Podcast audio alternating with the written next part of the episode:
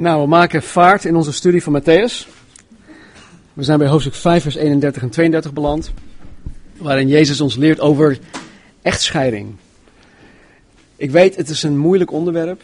Het is vaak ook een heel pijnlijk onderwerp.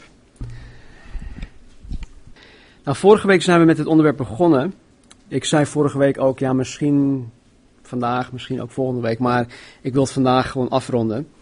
Dus laten we bij onze Bijbels openslaan op Matthäus 5, 31 en 32. Jezus spreekt hier, hij zegt, er is ook gezegd, wie zijn vrouw verstoot, moet haar een echtscheidingsbrief geven. Maar ik zeg u dat wie zijn vrouw verstoot om een andere reden dan hoererij, maakt dat zij overspel pleegt. En wie met de verstotene vertrouwt, pleegt ook overspel. Hij begint hier in vers 31 door te zeggen: Er is ook gezegd. En met andere woorden, mensen, ehm, er is jullie verteld. Dit wordt jullie geleerd. Dit is wat de kerk op dit moment aan de mensen, aan de gewone mensen doorgeeft, aan de mensen leert. Hij zegt: Wie zijn vrouw verstoot, moet haar een echtscheidingsbrief geven. De fariseeën en de schriftgeleerden, die brachten deze boodschap aan de gewone mens. vorige week had ik al gezegd dat de gewone mens geen Hebreeuws uh, lazen of, of, uh, of, uh, of spraken. Dus ze waren afhankelijk van de fariseeën en de schriftgeleerden. En dit was in, in de tijd van Jezus de norm voor echtscheiding. Dit was de leer van zeg maar, de gemeente in die tijd. De fariseeën en de schriftgeleerden hadden deze norm gebaseerd op Deuteronomium 24, 1 tot en met 4, waar wij vorige week naar gekeken hebben. Als je dat gedeelte gemist hebt, raad ik het aan om het nog te, te beluisteren, anders krijg je een vertekend beeld. Dan krijg je alleen maar de helft van het verhaal. Maar goed, hun, hun, hun interpretatie van dit schriftgedeelte, dat klopte niet. Dat zagen we vorige week ook. En ze zetten, zoals met veel andere schriftgedeelten, dit schriftgedeelte naar eigen hand. En hierdoor misleiden zij de gewone mensen. En het gevolg daarvan was dat veel vrouwen slachtoffer waren geworden um, van onverschillige mannen die hun vrouwen niet lief hadden, zoals Jezus Christus de gemeente lief heeft. Maar gelukkig laat Jezus dit niet zomaar gaan. Eh, dit was de, de status quo, dit was de norm voor die dag. En wat doet Jezus? Hij wil de zaak rechtzetten. En wat hij hier in Matthäus 5 doet, uh, vooral in dit stuk, is dat hij zijn discipelen, al de andere toehoorders en ook ons, Gods ware kijk op echtscheiding geeft. Hij wil ons leren waar het echt om draait. Dus er is gezegd, wie zijn vrouw verstoot moet haar een echtscheidingsbrief geven, maar vers 32, ik zeg u dat wie zijn vrouw verstoot om een andere reden dan hoererij, maakt dat zij overspel pleegt. En wie met de verstotene trouwt, pleegt ook overspel. Nou, even iets uitleggen over één woord. En het is een belangrijk woord, want Jezus noemt het hier, en het is het woord hoererij.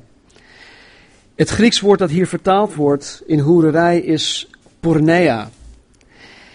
Het Nederlands woord porno of pornografie is hiervan afgeleid. Het wordt zo'n 26 keer in het Nieuw Testament gebruikt. Dus het is iets dat, dat, ja, waar veel over gesproken wordt, waar eigenlijk veel tegen gesproken wordt. Het is iets dat, dat, dat fout is en het is iets waar de Bijbel ons uh, gewoon wil leren dat het niet goed is.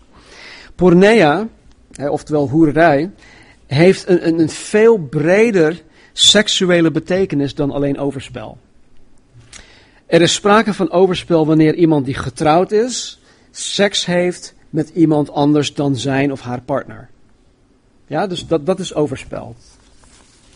Twee weken geleden, toen, uh, toen Roelof het behandelde, het stuk hiervoor, zagen we zelfs dat wanneer um, men naar iemand anders uh, dan zijn of haar partner kijkt om hem of haar te begeren, met andere woorden, uh, met die persoon seks te willen hebben, men zich al schuldig maakt aan overspel.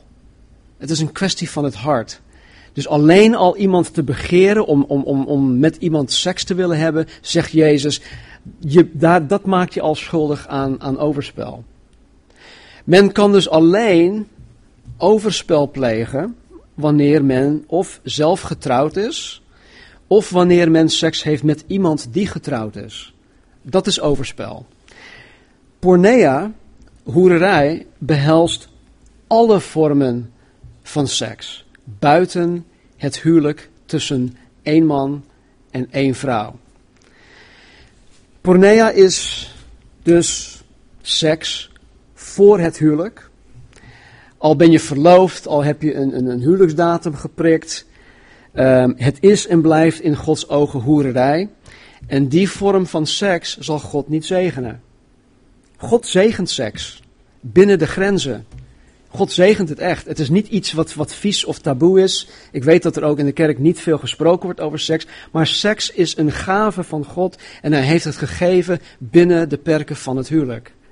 En hij zegent het. Pornea, zoals ik zei, is, is heel erg breed. Het is ook bijvoorbeeld seks hebben met een hoer. Seks hebben met een kind.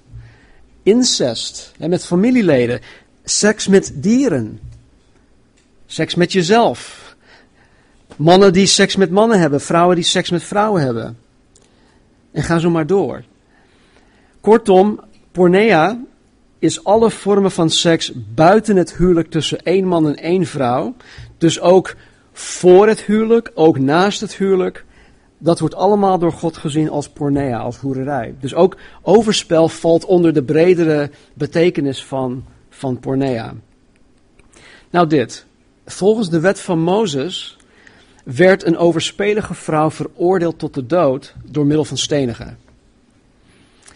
En dit, ja, logisch, maar dit bracht het huwelijk tot een abrupt einde.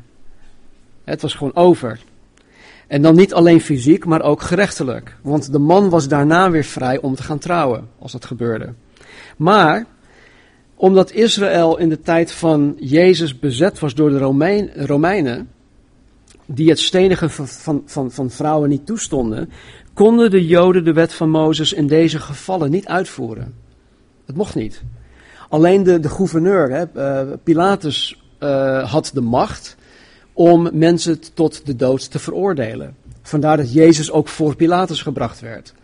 Dus de Joden konden de wet niet uitvoeren. Ze konden de vrouw of de man niet stenigen, niet doden. Nou, in het geval van overspel zou de man dus niet door middel van de doodstraf van zijn overspelige vrouw af kunnen komen. Dat, was, dat werd hem, hen onmogelijk gemaakt. Dus heeft Jezus hier de wet aangepast. Hij heeft het aangepast. Hij heeft het niet overhoop gegooid, veranderd, maar er is een kleine aanpassing gekomen. Maar wel op zo'n manier dat het alsnog voldeed aan de essentie, aan het, aan het hart van de wet. En Jezus sluitte absoluut geen compromissen uh, met, met God of met, met de wet van Mozes. Nee, het was een kleine aanpassing. En Jezus staat met deze aanpassing toe om alsnog rechterlijk van je partner af te kunnen komen wanneer er sprake is van pornea. En dit is, dit is in mijn optiek gewoon puur genade van God dat God het alsnog in die situatie, onder die omstandigheden toestaat. Maar ik zeg u, dat wie zijn vrouw verstoot om een andere reden dan hoererij, maakt dat zij overspel pleegt. En wie met de verstotene trouwt, pleegt ook overspel. Dus als er geen sprake is van pornea, en een man scheidt alsnog van zijn vrouw, Jezus heeft, zegt hier om welke reden dan ook, dan maakt de man dat zijn vrouw overspel pleegt. Als ik in die tijd van Marnie zou scheiden, om, om, om elke andere reden dan pornea, zou ik haar tot een overspelige maken. Nou, het is niet het dumpen van je vrouw dat maakt dat zij overspel pleegt. Maar wat er onvermijdelijk daarna gebeurt. De Bijbel gaat ervan uit dat wanneer een vrouw door haar man verstoten wordt, wanneer uh, een man van haar scheidt, dat zij vervolgens weer in een relatie terecht zal komen en dat zij zal hertrouwen. De Bijbel uh, gaat daar gewoon van uit. En omdat deze vrouw in Gods ogen geen rechtsgeldige reden heeft om van haar man gescheiden te zijn, want er is geen sprake van pornea, blijft God dit echtpaar zien als getrouwd. Ondanks dat, dat de man haar een scheidingsbrief heeft gegeven, enzovoort, enzovoort. God, in Gods ogen blijft dit stel gewoon getrouwd. Dus als een vrouw onder deze omstandigheden door haar man verstoten wordt, en deze vrouw hertrouwt, dan pleegt zij overspel met haar nieuwe partner. En niet alleen zij pleegt overspel, maar ook haar tweede man pleegt overspel, want hij heeft dan seks met een in Gods ogen nog steeds getrouwde vrouw. En op, en op het moment dat haar eerste man een relatie dan vervolgens aangaat en seks met die vrouw heeft, pleegt ook hij overspel. Laten we gaan naar uh, Matthäus hoofdstuk 19. 19 vers 1. En het gebeurde toen Jezus deze woorden geëindigd had, dat hij uit Galilea vertrok en over de Jordaan naar het gebied van Judea ging. En een grote menigte volgde hem, en hij genas hen daar. En de fariseeën kwamen naar hem toe om hem te verzoeken en zeiden tegen hem, is het een man toegestaan zijn vrouw om allerlei redenen te verstoten? Zie, dat was de, de norm, dat was gewoon de, de normaalste gang van zaken. Dus hij, eh, ze stellen hem die vraag. En Jezus antwoordde en zei tegen hen, hebt u niet gelezen? Kennen jullie je Bijbel, je eigen Bijbel niet eens? Dat Hij, God, die de mens gemaakt heeft, hen van het begin af mannelijk en vrouwelijk gemaakt heeft en gezegd heeft, daarom zal een man zijn vader en moeder verlaten en zich aan zijn vrouw hechten en die twee zullen tot één vlees zijn, zodat zij niet meer twee zijn, maar één vlees, dus één mens. Dus wat God samengevoegd heeft, laat de mens dat niet scheiden. Ze zeiden tegen hem: Waarom heeft Mozes dan geboden een echtscheidingsbrief te geven en haar te verstoten? Heeft Mozes helemaal niet gedaan. Hij zei tegen hen: Mozes heeft vanwege de hardheid van uw hart u toegestaan uw vrouw te verstoten. Maar van het begin af is het niet zo geweest, of is het zo niet geweest. Maar ik zeg u: wie zijn vrouw verstoot anders dan om hoererij en met een ander trouwt, die pleegt overspel. En wie met de verstotene trouwt, pleegt ook overspel. Zijn discipelen zeiden tegen hem: Als de zaak van de man met de vrouw er zo voor staat, is het beter niet te trouwen. Nou, in, in vers 9 zegt Jezus precies hetzelfde wat hij in Matthäus 5, vers 32 zei. Hij zegt: Ik zeg u, wie zijn vrouw verstoot, anders dan om hoererij, en met een ander trouwt, die pleegt overspel. En wie met de verstotene trouwt, pleegt ook overspel. Laten we weer teruggaan naar Matthäus 5. Laten we nu teruggaan naar vers 27. En Jezus zegt hier: U hebt gehoord dat tegen het voorgeslacht gezegd is: U zult geen overspel plegen. Nou, dat is het zevende gebod. Gij zult niet echt breken. Gij zult geen overspel plegen. En dan, gaat hij, dan zegt hij, uh, maar als je naar een vrouw kijkt, ruk je oog uit, uh, hak je hand af, enzovoort, enzovoort. Maar dan gaat hij verder in vers 31. Er is ook gezegd, wie zijn vrouw verstoot, moet haar een echtscheidingsbrief geven. Maar ik zeg u dat wie zijn vrouw verstoot om een andere reden dan hoererij, maakt dat zij overspel pleegt. En wie met de verstotene trouwt, pleegt ook overspel. Het gaat Jezus hier duidelijk om overspel. Hij, hij begint de, deze, deze, dit stuk in vers 27. U zult geen overspel plegen. Hij eindigt dit stuk in vers 32. Dat degene die zijn vrouw verstoot pleegt overspel, de vrouw pleegt overspel, degene die de verstotene her, trouwt, die pleegt overspel. Het gaat Jezus dus over, het gaat hem om overspel. En wat Jezus de fariseeën en de schriftgeleerden duidelijk wil maken, is dat doordat zij de fariseeën en de schriftgeleerden, deze makkelijk en snelle echtscheidingsproces handhaven, zij zich schuldig maken aan, aan het verspreiden en, en aan het uitbreiden van overspel. Deze mensen dachten dat zolang zij openlijk geen overspel pleegden, dat zij zich niet schuldig maakten aan het overtreden van het zevende gebod. Maar Jezus zei, in vers 28 dat al wie naar een vrouw kijkt om haar te begeren, in zijn hart al overspel met haar gepleegd heeft. En dus in, in dat vers legt Jezus al uit van jongens, jullie zijn niet zo schuldig of, of niet, niet zo onschuldig als jullie denken. En hier in vers 32 maakt Jezus het hun nog duidelijker dat zij zich schuldig maakten aan overspel. En dan niet alleen zijzelf, maar dat zij een, een soort van voedingsbodem gecreëerd hadden, waarin het merendeel van de samenleving overspelig raakte. Door, door hun leer te verkondigen, pleegde bijna iedereen overspel. Want de, de gedachte van die tijd was dat, uh, nou joh, ja, mevrouw staat me niet meer aan. Ik vul, ik vul een formulier in. Ik, heb, ik roep een paar, uh, paar getuigen erbij, die ondertekenen dat. Hier, Marnie, alsjeblieft, je hebt een echtscheidingsbrief, ik ben nu van je af. En dan ga ik door. En dat kan je 10, 20, 100 keer doen. Denk even na wat, wat een, een, een zootje dat geworden was. Het was alleen maar, eh, het was een, echt een overspelig volk geworden. Niet alleen geestelijk richting God, maar ook letterlijk in de zin van, van, van, van het huwelijk. Nou, heel concreet leert Jezus ons dat hoererij, pornea, de enige rechtsgeldige reden is om te scheiden. Het is heel nauw. De Bijbel geeft ons geen enkele andere geldige reden. En vandaar dat de discipelen in Matthäus 19:10 tegen Jezus zeiden: als de, als de zaak van de man met de vrouw er zo voor staat, is het beter niet te trouwen. En met andere woorden, als het huwelijk dusdanig beperkt is, als het echt voor levenslang bedoeld is, als je niet zomaar van je vrouw afkomt, dan is het beter om niet te trouwen. Dat was hun conclusie. Maar ze hadden heel goed door wat Jezus bedoelde. Ze hadden de boodschap van Jezus goed begrepen.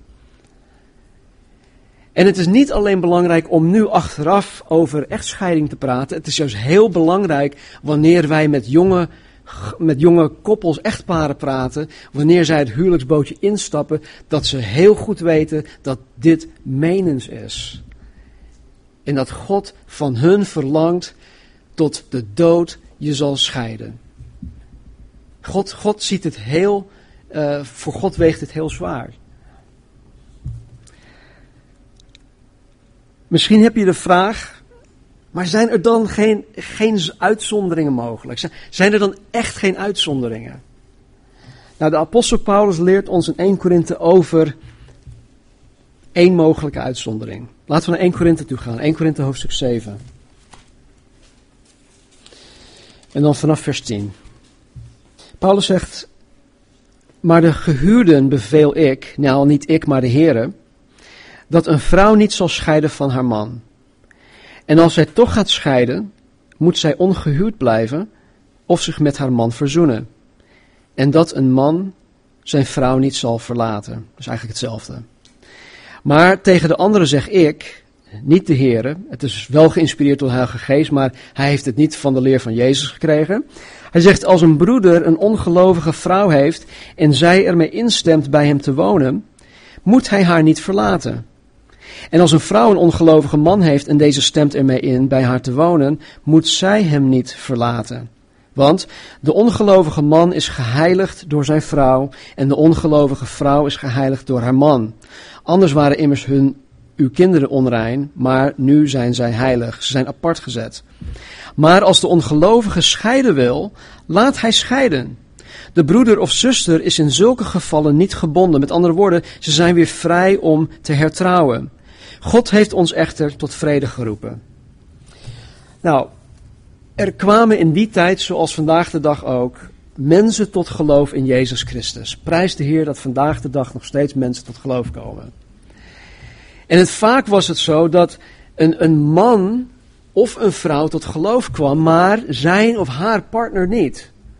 Dat gebeurt vandaag de dag ook. En het eerste waar deze gelovige man of vrouw aan dacht was om van hun ongelovige, heidense, wereldse partner af te willen komen. En want zij vormen een ongelijk span. Maar Paulus' antwoord op dit probleem is wat hij hier dus in dit stukje geschreven heeft. En waar het uiteindelijk op neerkomt is ten eerste dat men A niet gaat scheiden, maar mocht de ongelovige partner wel willen scheiden, dan mag dat. Hij of zij is vrij om te gaan. En de gelovige partner is vervolgens vrij om te hertrouwen. Maar dan wel met een, met een gelovige. Even verder in vers 39 van hoofdstuk 7 zegt Paulus dit. Een vrouw is door de wet gebonden zolang haar man leeft. Met andere woorden, je bent getrouwd, je moet getrouwd blijven zolang je partner leeft. Als haar man of als haar vrouw ontsla of, zijn vrouw ontslapen is, als die gestorven is, is zij vrij om te trouwen met wie ze wil. Maar alleen in de Here. En met andere woorden, God wil niet dat een gelovige met een ongelovige trouwt. Dat gaat niet samen. Dat gaat echt niet samen. Je bent twee totaal andere mensen. Je leeft in andere werelden. Het gaat niet samen. Goed, de Bijbel zegt dus dat er slechts één uitzondering is. En dat is wanneer er sprake is van een ongelijk span. waarin één partner gelooft en de andere niet. Nou, er zijn heel veel situaties, heel veel omstandigheden waarvan je zou zeggen van joh, het is beter als dit echtpaar uit elkaar gaat. Het is beter voor de man, het is beter voor de vrouw als ze scheiden. vanuit ons menselijk oogpunt is, is ik, ik ken situaties zoals die. En persoonlijk geloof ik dat er wellicht andere uitzonderingen mogelijk zijn. Maar, en dit is heel erg belangrijk, een vereiste hierin is dat elke situatie afzonderlijk tegen het licht van Gods woord gehouden wordt en dat elke situatie als maatwerk behandeld wordt. Je kan niet één regel vast, uh, vastleggen van jongens, we moeten zus en zo en dat geldt voor iedereen. Elke situatie is anders, elke persoon is anders en, en elk huwelijk is anders. En ja, God geeft ons zijn woord en daar moeten we ons ten eerste te alle tijden aan houden. Maar ik geloof ook dat God ja, in sommige gevallen um, uitzonderingen maakt. Maar daar moeten we zo fijngevoelig voor de Heilige Geest zijn. Denk bijvoorbeeld aan een, een, een wedergeboren vrouw. Hè, die getrouwd is met een man. Die haar, uh, die, die haar of misschien haar en of haar kinderen voortdurend emotioneel of misschien zelfs lichamelijk mishandelt.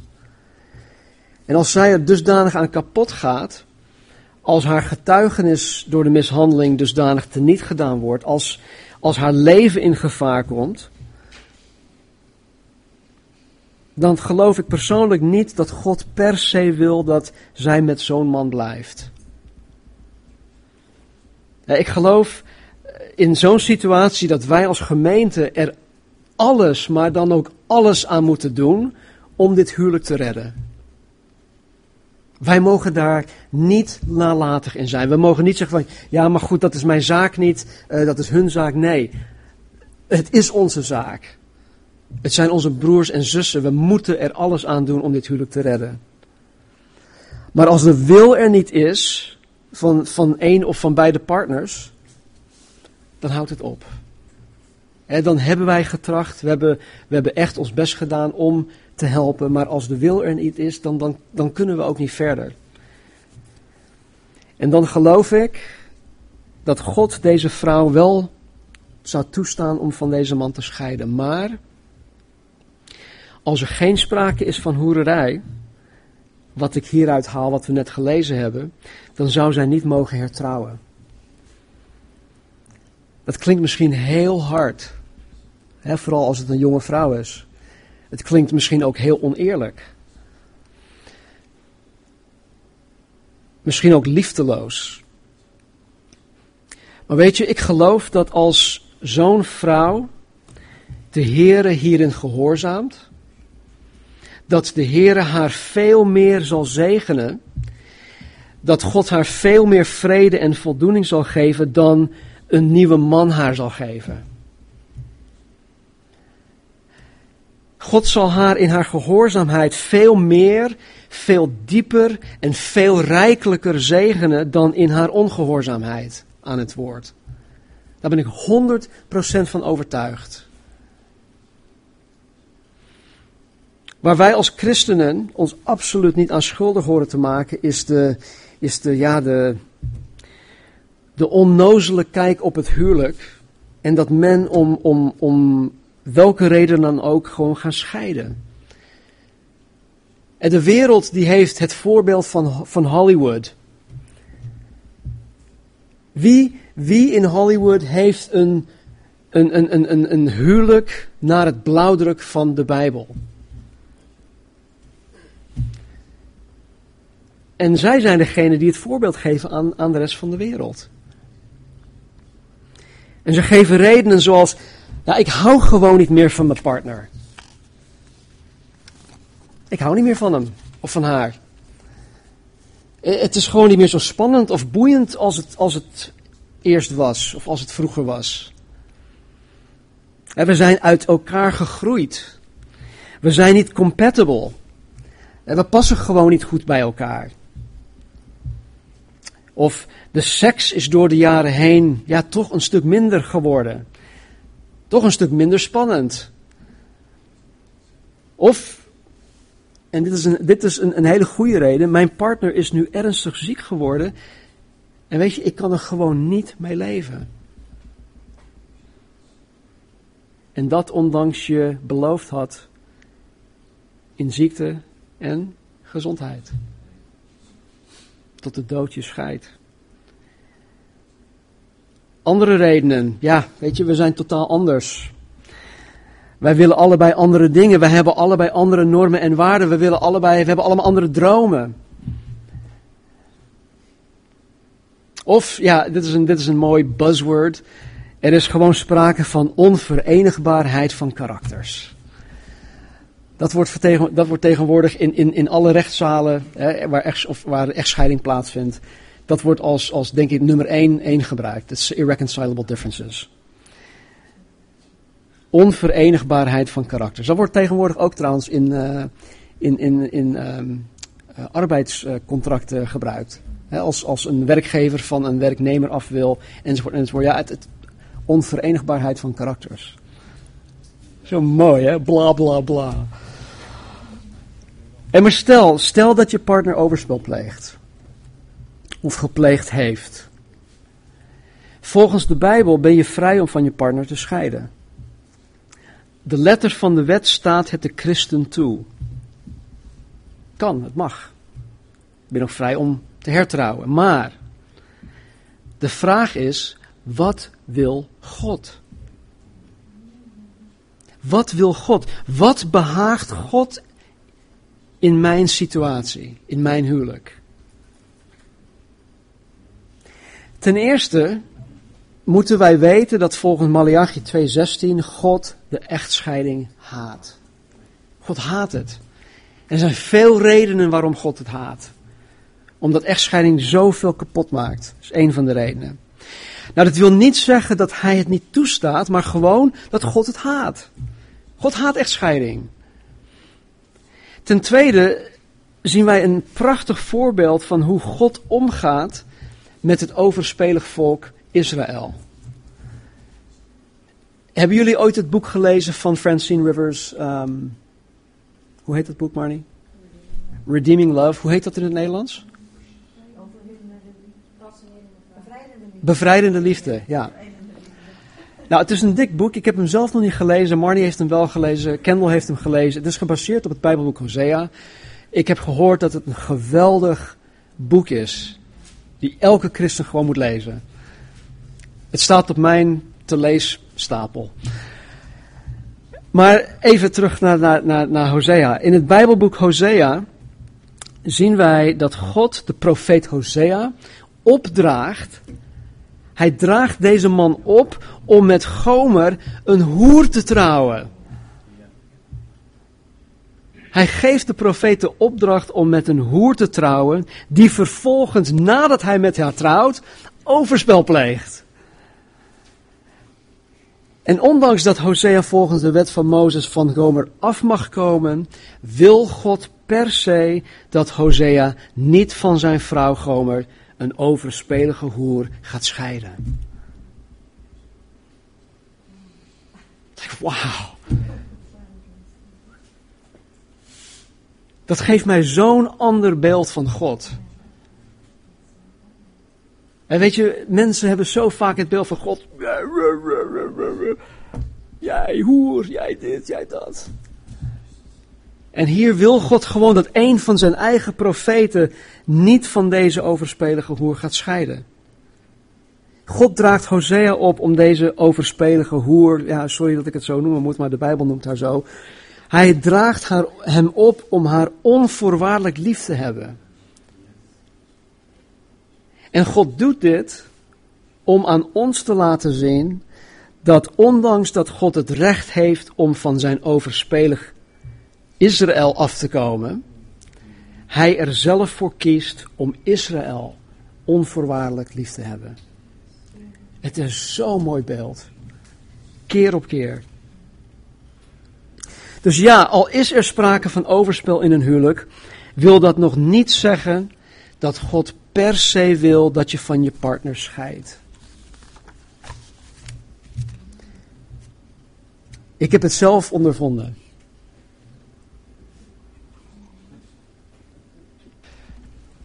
In 89, 1989, vorige eeuw. Vorig millennia, millennium. Stonden Marnie op, op het punt om te scheiden. Marnie en ik. Zij had, zij had het goede recht om van me af te, kunnen, af te komen. Ik had dingen gedaan waar, waarvan zij gewoon, waardoor zij het recht had om van mij af te kunnen komen. En um, ergens tussen kerst 1989 en begin van het nieuwjaar, toen uh, had ik hier in Nederland, ik, ik, was in Nederland voor een uh, familiereunie. Had ik iets meegemaakt. En ik dacht van weet je, als, als ik, ik zag mijn broers die dan uh, heel goed met hun vrouwen omgingen. En ik weet dat wij allemaal uit hetzelfde nest komen en dat ging allemaal niet zo goed, jarenlang. Maar ik dacht van weet je, als mijn broers dat kunnen, dan kan ik het ook wel.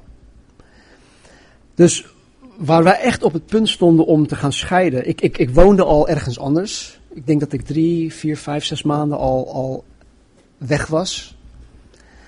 Toen kwam ik dus terug van deze familiereunie. En uh, toen benaderde ik de Marnie. Ik zei, weet je Marnie, ik zeg, uh, als mijn broers het kunnen, dan kan ik het ook wel. En ik heb dus negen maanden lang op eigen kracht ons huwelijk geprobeerd te redden. Maar dat lukte voor geen meter. Toen, negen maanden later, kwam Kobus Diaz naar Amerika toe. Hij deelde het evangelie met mij. God had hem gebruikt. God uh, greep mij bij de kraag en zegt, nou, nu is het genoeg. Nu ga je het op mijn manier doen. En nu zijn wij 22 jaar verder. En ik sta nu hier voor jullie in Nederland. Met Marnie als vrouw. Daarna hebben we nog twee kinderen gekregen, Alyssa en Kendall. Nou stel, stel hè, dat Marnie op een streep had gestaan. Dat ze gewoon had gezegd van, joh, ik heb het goed recht om van je af te komen. Ik wil gewoon van je scheiden. Dan had ik hier vandaag niet gestaan. Dan had ik mijn twee jongste kinderen niet gehad. Dan zat Kendall vandaag niet op de bijbelschool. En dan zat Christine hier ook niet naast Mike. Dan had ik mijn kleinzoon uh, Jordan niet gehad. Weet je, dan, dan, was er zo, dan had ik zo ontzettend veel misgelopen dan had ik Gods plan misgelopen. Dus echtscheiding is niet de eerste, het eerste waar we, waar we naartoe moeten grijpen. Van joh, hij heeft overspel, zij heeft overspel, echtscheiden, boem, klaar, uit. Nee. In sommige gevallen moeten we dat echt heel goed bekijken. Nou, hoe zit het nu als je of nu gescheiden bent of gescheiden geweest bent en je bent nu hertrouwd. En misschien zelfs zoals de Samaritaanse vrouw tot vijfmaal toe. Laat ik het zo zeggen, en dit is zo bemoedigend. Echtscheiding en hertrouwen is niet, is niet de onvergeeflijke zonde. Ik weet dat het gewichtig is, maar weet je, al was ik tien keer gescheiden geweest, op het moment dat ik me daarvan bekeerd heb, op het moment dat ik in Jezus Christus navolg, dan kom ik als overspelige man net zo goed in de hemel als jullie. Het is niet de onvergeeflijke zonde. God is en God blijft een God van genade en van vergeving. Je zal je redding niet kwijtraken als je gescheiden bent.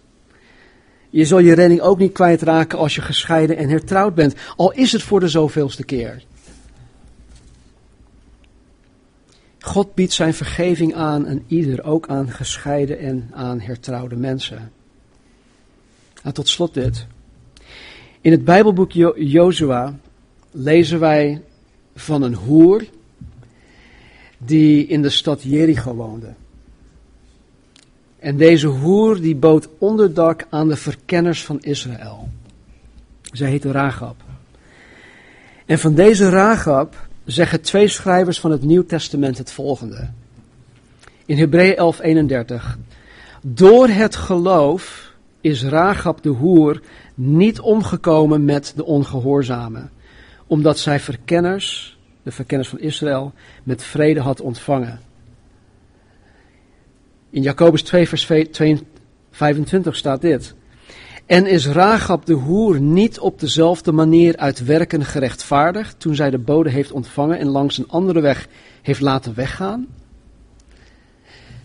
Hier wordt deze hoer, Ragab, hier wordt van haar gezegd dat zij gered en gerechtvaardigd werd door haar geloof en vervolgens door haar goede werken in haar geloof. Dat klinkt mij heel erg bekend. Dat, is ook, dat ben ik ook. Dat zijn jullie ook. Sterker nog, volgens Matthäus 1, vers 5 is deze Ragab zelfs een van de voorouders van Jezus Christus. Zij is, of zij was, de oma van de opa van koning David. Ja, ik weet niet hoe je dat noemt in het Nederlands. Over, over, over, over. Anyway. Zij was de oma van de opa van koning David. God is getrouw. En daarom heet het ook trouwen.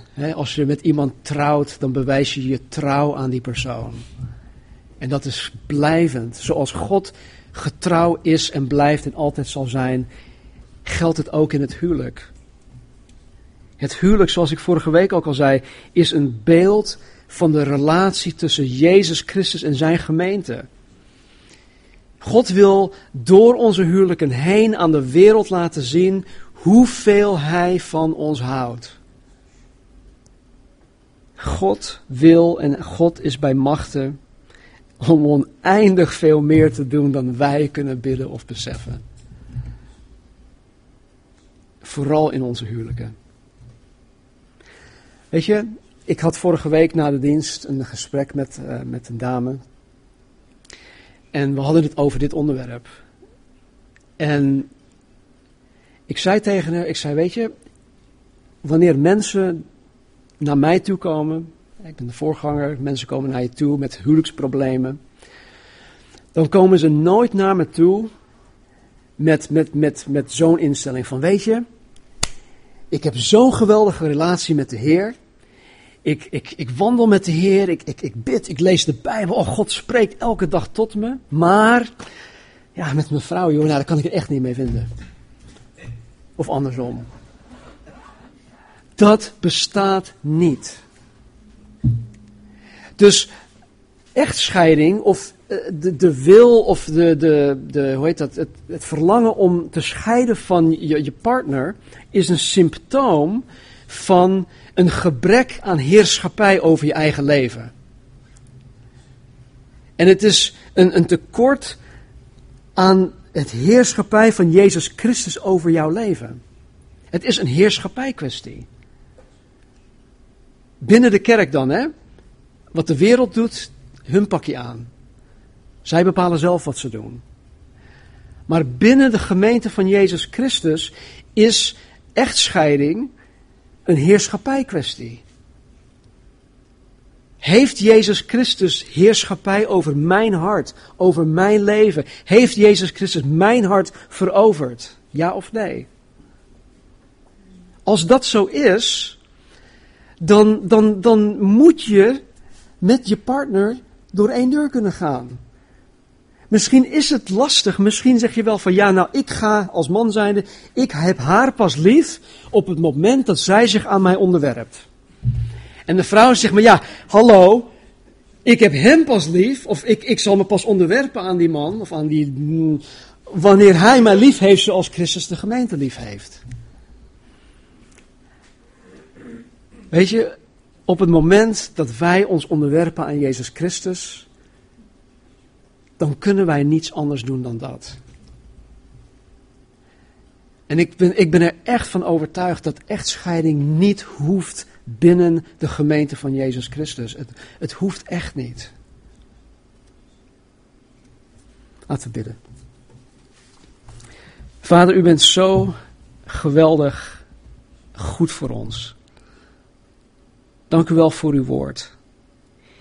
Heer, dat ons, dat ons duidelijk laat zien hoe u naar echtscheiding kijkt. Heer, dat u echtscheiding haat. Dat het niet uw plan is, dat het nooit uw plan geweest is.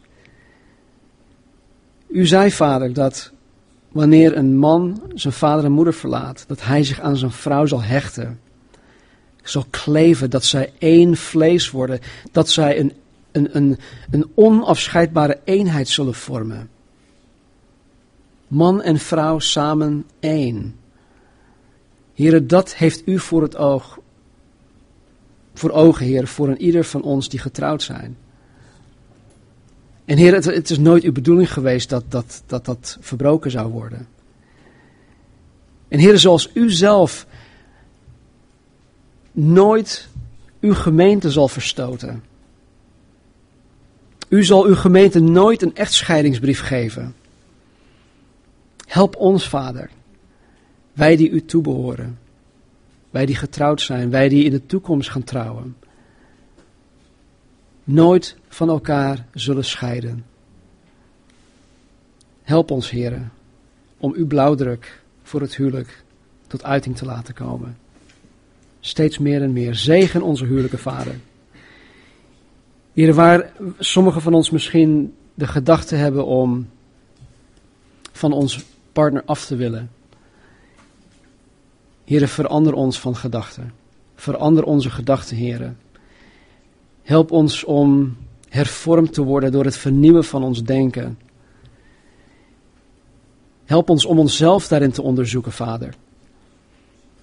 Want Heer, uiteindelijk is het een heerschappijkwestie. Heb ik mezelf onderworpen aan de heerschappij van Jezus Christus, die zegt dat men niet hoort te scheiden. O Heere, help ons, wees ons alstublieft genadig. En help elk huwelijk, Vader, en elk toekomstig huwelijk binnen de Cross Culture Calvary Chapel. Een weerspiegeling te zijn van uw relatie, Jezus, met uw bruid. O Heer, help ons. Help ons, help ons, help ons alstublieft. Laat ons niet tot de statistieken behoren. Help ons. In Jezus' naam. Amen.